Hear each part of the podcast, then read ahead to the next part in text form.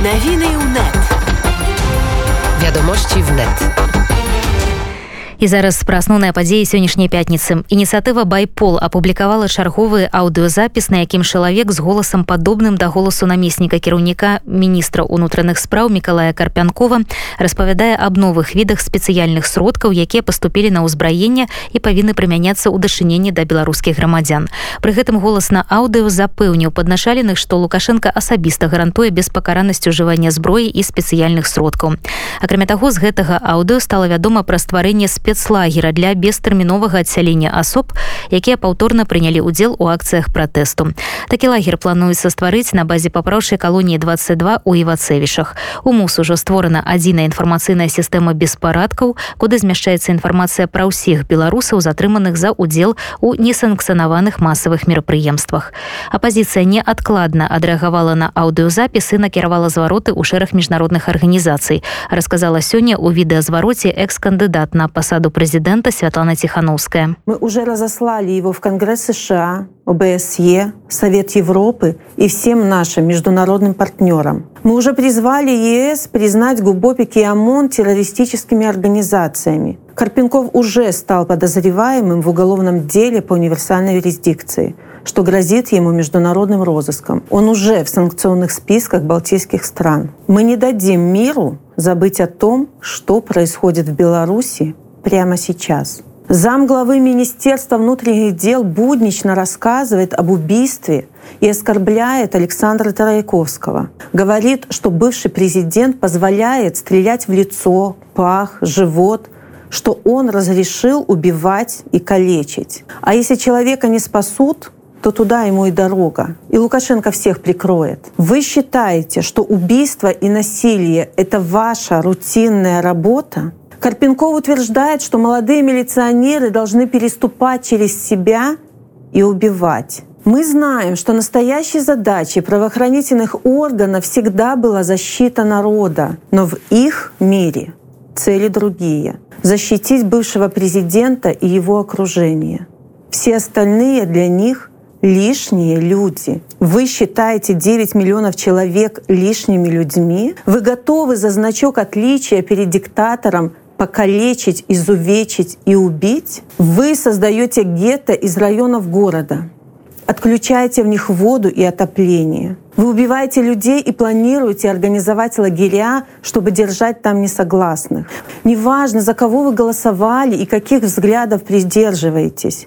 Неважно, какой флаг и герб вам нравится. Я хочу задать вопрос каждому белорусу. Что мы заслужили?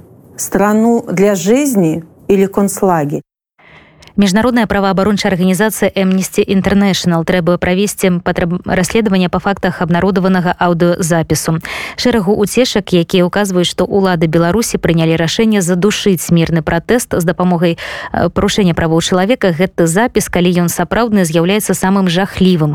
Прыводзіць сайт арганізацыі словы намесніка дырэктара па ўсходняй Еўропе і цэнтральнай Азіі дзяніса крывашеева усё што там гаворыцца павінна быць неадкладна і эфектыўна расследавана. Калі вы высокапастаўлены міліцыянер загадвае сваім паднашаленым страляць гумавымі кулямі калі ён прапануе стварыць лагеры для самых актыўных пратэстоўцаў то згодна з міжнародным правам ён аддае загад ушыняць злачынства а пять дзяржаў партнёраў еўрапейскага саюза далушыліся да санкцыі супраць беларусі гаворыцца ў заяве савета ес гэта краіны кандыдаты албанія паўночная македонія і чарнагорыя а таксама дзяржавы еўрапейскай зоны свабоднага гандлю ісландыя і норвегія гэтыя краіны будуць забяспечваць адпаведнасць сваёй нацыянальнай палітыкі рашэнню саветы ес у мінулым годзе нагадаю еўросаюз увёў тры пакеты санкцыі супраць беларусі. У снежні мінулага года была апублікавана пастанова па трэцім санкцыйным пакеце. У дачыненні да беларусі які ўключае 29 фізічных і 7 юрыдычных асоб Еўросаюз прыпыніў прадастаўленне беларусі каля паловы аб'ёму двухбаковай дапамогі ў рамках еўрапейскага інструмента суседства. Про гэта гаворыцца у каментарыі прадстаўніцтва ес у сувязі з публікацыяй на афіцыйным сайце правабай інфармацыі аб фінансаванні аднаго з праектаў ес у беларусі. Прыпыненне распаўсюджваецца на раней узгодненае супрацоўніцтва ў прававой сферы. Пасля перафармаціравана падтрымка будзе абмежавана сферамі у якіх яна прынясе карысці грамадзянам беларусі. А гэта моладзь ахова навакольнага сярод агароддзя малы і сярэдні бізнес і развіццё на мясцовым узроўні Ужо афіцыйна Латвія пагадзілася правесці чэмпіянат свету па хакеі самастойна. Першапачатковы турнір павінен быў прайсці ў мінску і рызе з 21 мая па 6 чэрвеня.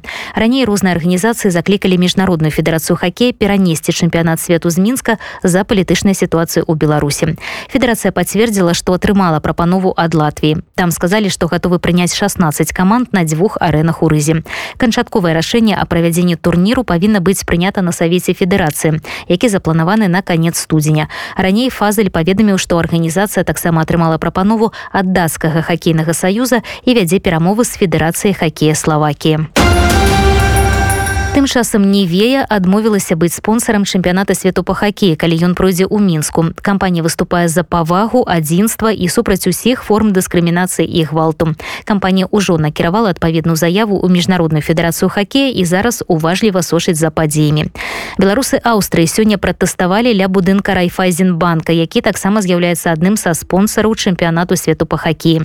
Акцыя пратэсту прайшла і ля цэнтральнага офісу яшчэ аднаго спонсора шкоды у чэшскім горадзе горадзе млада балеслаў да беларусаў выйшаў прэс-сакратар кампаніі томаш катера. Ён прынёс тэрмас кавы і гарбаты і пашаставаў удзельнікаў пікету як расказала арганізатар акцыі дар'я рудзько прэс-сакратар кампаніі цалкам падзяляе патрабаванні пікетоўцаў і аўтары звароту на працягу тыдня атрымаюць ад яго адказ раней удзельнікі пікету перадалі офіс шкода зварот з просьбай байкатаваць цяперашні чэмпіянат калі яго правядзення не будзе перанесена з беларусі а беларуская дыяспора ў іспаніі дабілася закрыцця ганаровага консульства беларусі ў барселоне рассказала ў інтэрв'ю нашаму радыё адна з кіраўнікоў дыяспоры алена турова акрамя таго мясцовыя беларусы прымаюць актыўны удзел у эканамічнай блакадзе рэжыма Каталония, например, раньше вообще не знали, что это Беларусь. И на данный момент, благодаря тому, что мы ходили к консульству Беларуси, который уже его нет уже просто, потому что мы ходили столько раз, что потому что почетный консул он просто-напросто закрыл это консульство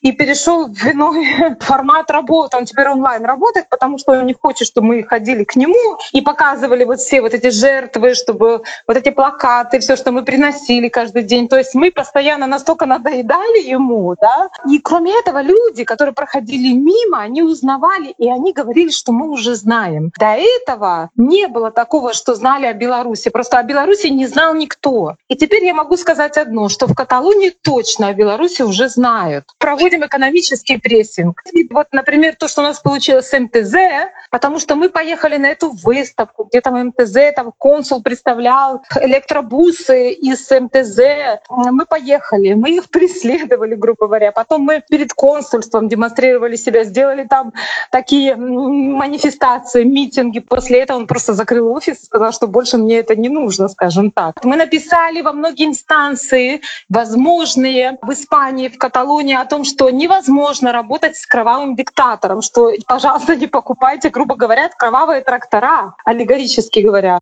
Больше падрабязна пра акцыі беларусаў у Іспаніі слухайце сёння пасля навін з конца студзеня ўсе жадаючыя атрымаюць магчымасць падаць заяву на электроннае грамадзянства літвы стаўшы электронным грамадзянінам чалавек атрымлівае унікальны нумар айдзім з дапамогай якога можа онлайн рэгістраваць кампаніі ў літве открываць банкаўскія рахункі плаціць усе неабходныя падаткі і падпісваць дамовы электронным подпісам інфармацыю пра электроннае грамадзянства можна знайсці на сайце міграцыйнай службы. Да гэтага часу электроннае грамадзянства існавала толькі ў адной краіне свету у эстоніі з часу яго з'яўлення ў 2014 2014 годзе электроннымі грамадзянамі сталі больш як 75 тысяч замежнікаў яны адкрылі 15 тысяч кампаній на тэрыторыі эстоніі кіраўніцтва аэрапорта унукава куды 17 студзеня мусіць прыляцець з берліна апозіцыянер алексей навальны не дазволіла журналістам весці фото і відэа здымку гэтай падзеі. Аэрапорт патлумачыў адмову антыкаронавіруснымі мерамі. Пры гэтым прэс-служба унукава запэўніла што відэа пасажыраў рэйса з берліна будзе прадастаўлена. Следчы камітэт рассіі пагражае навальнаму крымінальным пераследам. Тым не менш самы вядомы расійскі апозіцыянер прыняў рашэнне вярнуцца на радзіму з германіі дзе праходзіў лячэнне пасля атрушвання на навічку сілавікі заявілі што распачнуць усе дзеянні па затрыманні навальнага да рашэння суду аб замене яму умоўнага тэрміну на рэальны па справе і ўраше ведомства попрасіла прызначыць палітыку рэальны тэрмін заявіўшы што ён не выконвае абавязкі умоўна асужанага і ухіляецца ад кантролю інспекцыі 29 снежня следчы камітэт рассіі распашаў супраць навальнага крымінальную справу аб махлярстве. Ведомства заявіла што палітык растраціў частку ахвяраванняў для фонду барацьбы з карупцыяй і іншых некамерцыйных арганізацый. У той жа дзень навальнага абвясцілі ў вышук. Аднак пра гэта стала вядома толькі пасля таго як палітык заявіў пра сваё пра сваё рашэнне вярнуцца ў рассію камітэт сусветнай арганізацыі аховы здароўя па надзвычайнай сітуацыі выступіў супраць увядзення патрабавання абавязковай вакцынацыі або наяўнасці імунітэту ад каронавірусу пры міжнародных паездках там патлумачылі што ўплыў вакцын на скарашэнне перадачы віруса пакуль невядомы а іх даступнасць зараз занадта абмежаваная і там усім краінам рэкамендавана не патрабаваць доказаў вакцынацыі у снежні ў Еўропе ЗША і іншых краінах пачалася вакцынацыя насельніцтва ад каронавіруса першай вакцыніраваць мільёнах людзей пашала брытанія. І перад гэтым у свеце загаварылі аб увядзенні пашпарту вакцынацыі для ўсіх падарожнікаў у беларусі працягваецца вылучэнне дэлегатаў на ўсебеларускі народны сход які пройдзе ў мінску 11 і 12 лютага. Праўда часам аказваецца што самі дэлегаты даведваюцца пра тое што іх вылучылі ўжо постфактум. Раней таксама стала зразумела што у сталіцу абмяркоўваць на форуме лёсавызначальнае рашэнне паедуць толькі адобраныя зверху людзі. Гэта мясцовыя дэпутаты члены грамадскіх арганізацый. Але пакуль не зусім зразумела што хаваецца за фармулёўкай лёсавызначальная наш мінск мінскі корэспандэнт александр гардзеў раскажа апошнія навіны па сходзе Добрый вечер, Вольга. Проекта Конституции не будет, а усебелорусский народный сход пройдет как звычайно. Новая ставка на затягивание процессу. До такой высновы пришли эксперты на фоне опошней заявы Александра Лукашенко. Нагадаем, на днях девичий президент у черговый раз окреслил термины, когда будет готовый проект новой Конституции. У этот раз конец этого года. Политологи называют это классичной прокрастинацией и вылучают несколько причин. По сутности, головное из их то, что улады верагодна сапраўды лічаць што перамаглі пратэсты. Па меншай меры на той час які комфортны для іх. Частота заяў звязаных са зменамі ў канстытуцыю і пераменамі ў краіне нават з тым што сам лукашенко Мачыма не будзе прэзідэнтам была тым вышэй чым больш вострай была абстаноўка ў краіне чым больш масавымі былі дэманстрацыі. Відавочна што ідці з рассіі якая жадае хутчэй разабрацца з беларускім пытаннем сваіх праблем хапае было вышэй. Пазней танальнасць заяў змянялася гаворка ішла ішла аб перавыбарах пасля канстытуцыйнай рэформы дзе народ сам бярэ свайго кандыдата і сябе паміж радкоў лукашенко уже не выкідвае.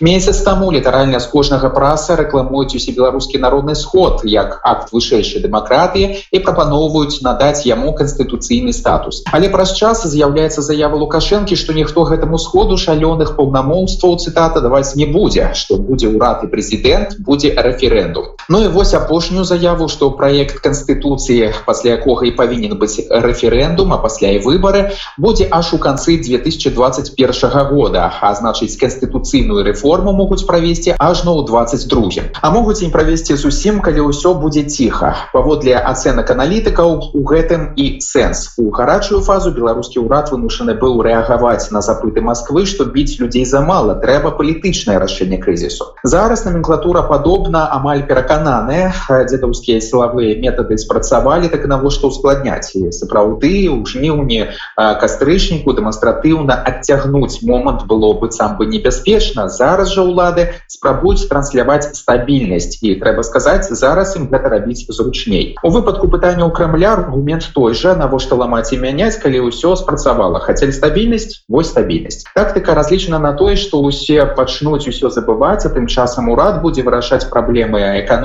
спрацаваць ізноў выходзіць на якое ніякае супрацоўніцтва з Еўропай і знешні вектор у цэлым.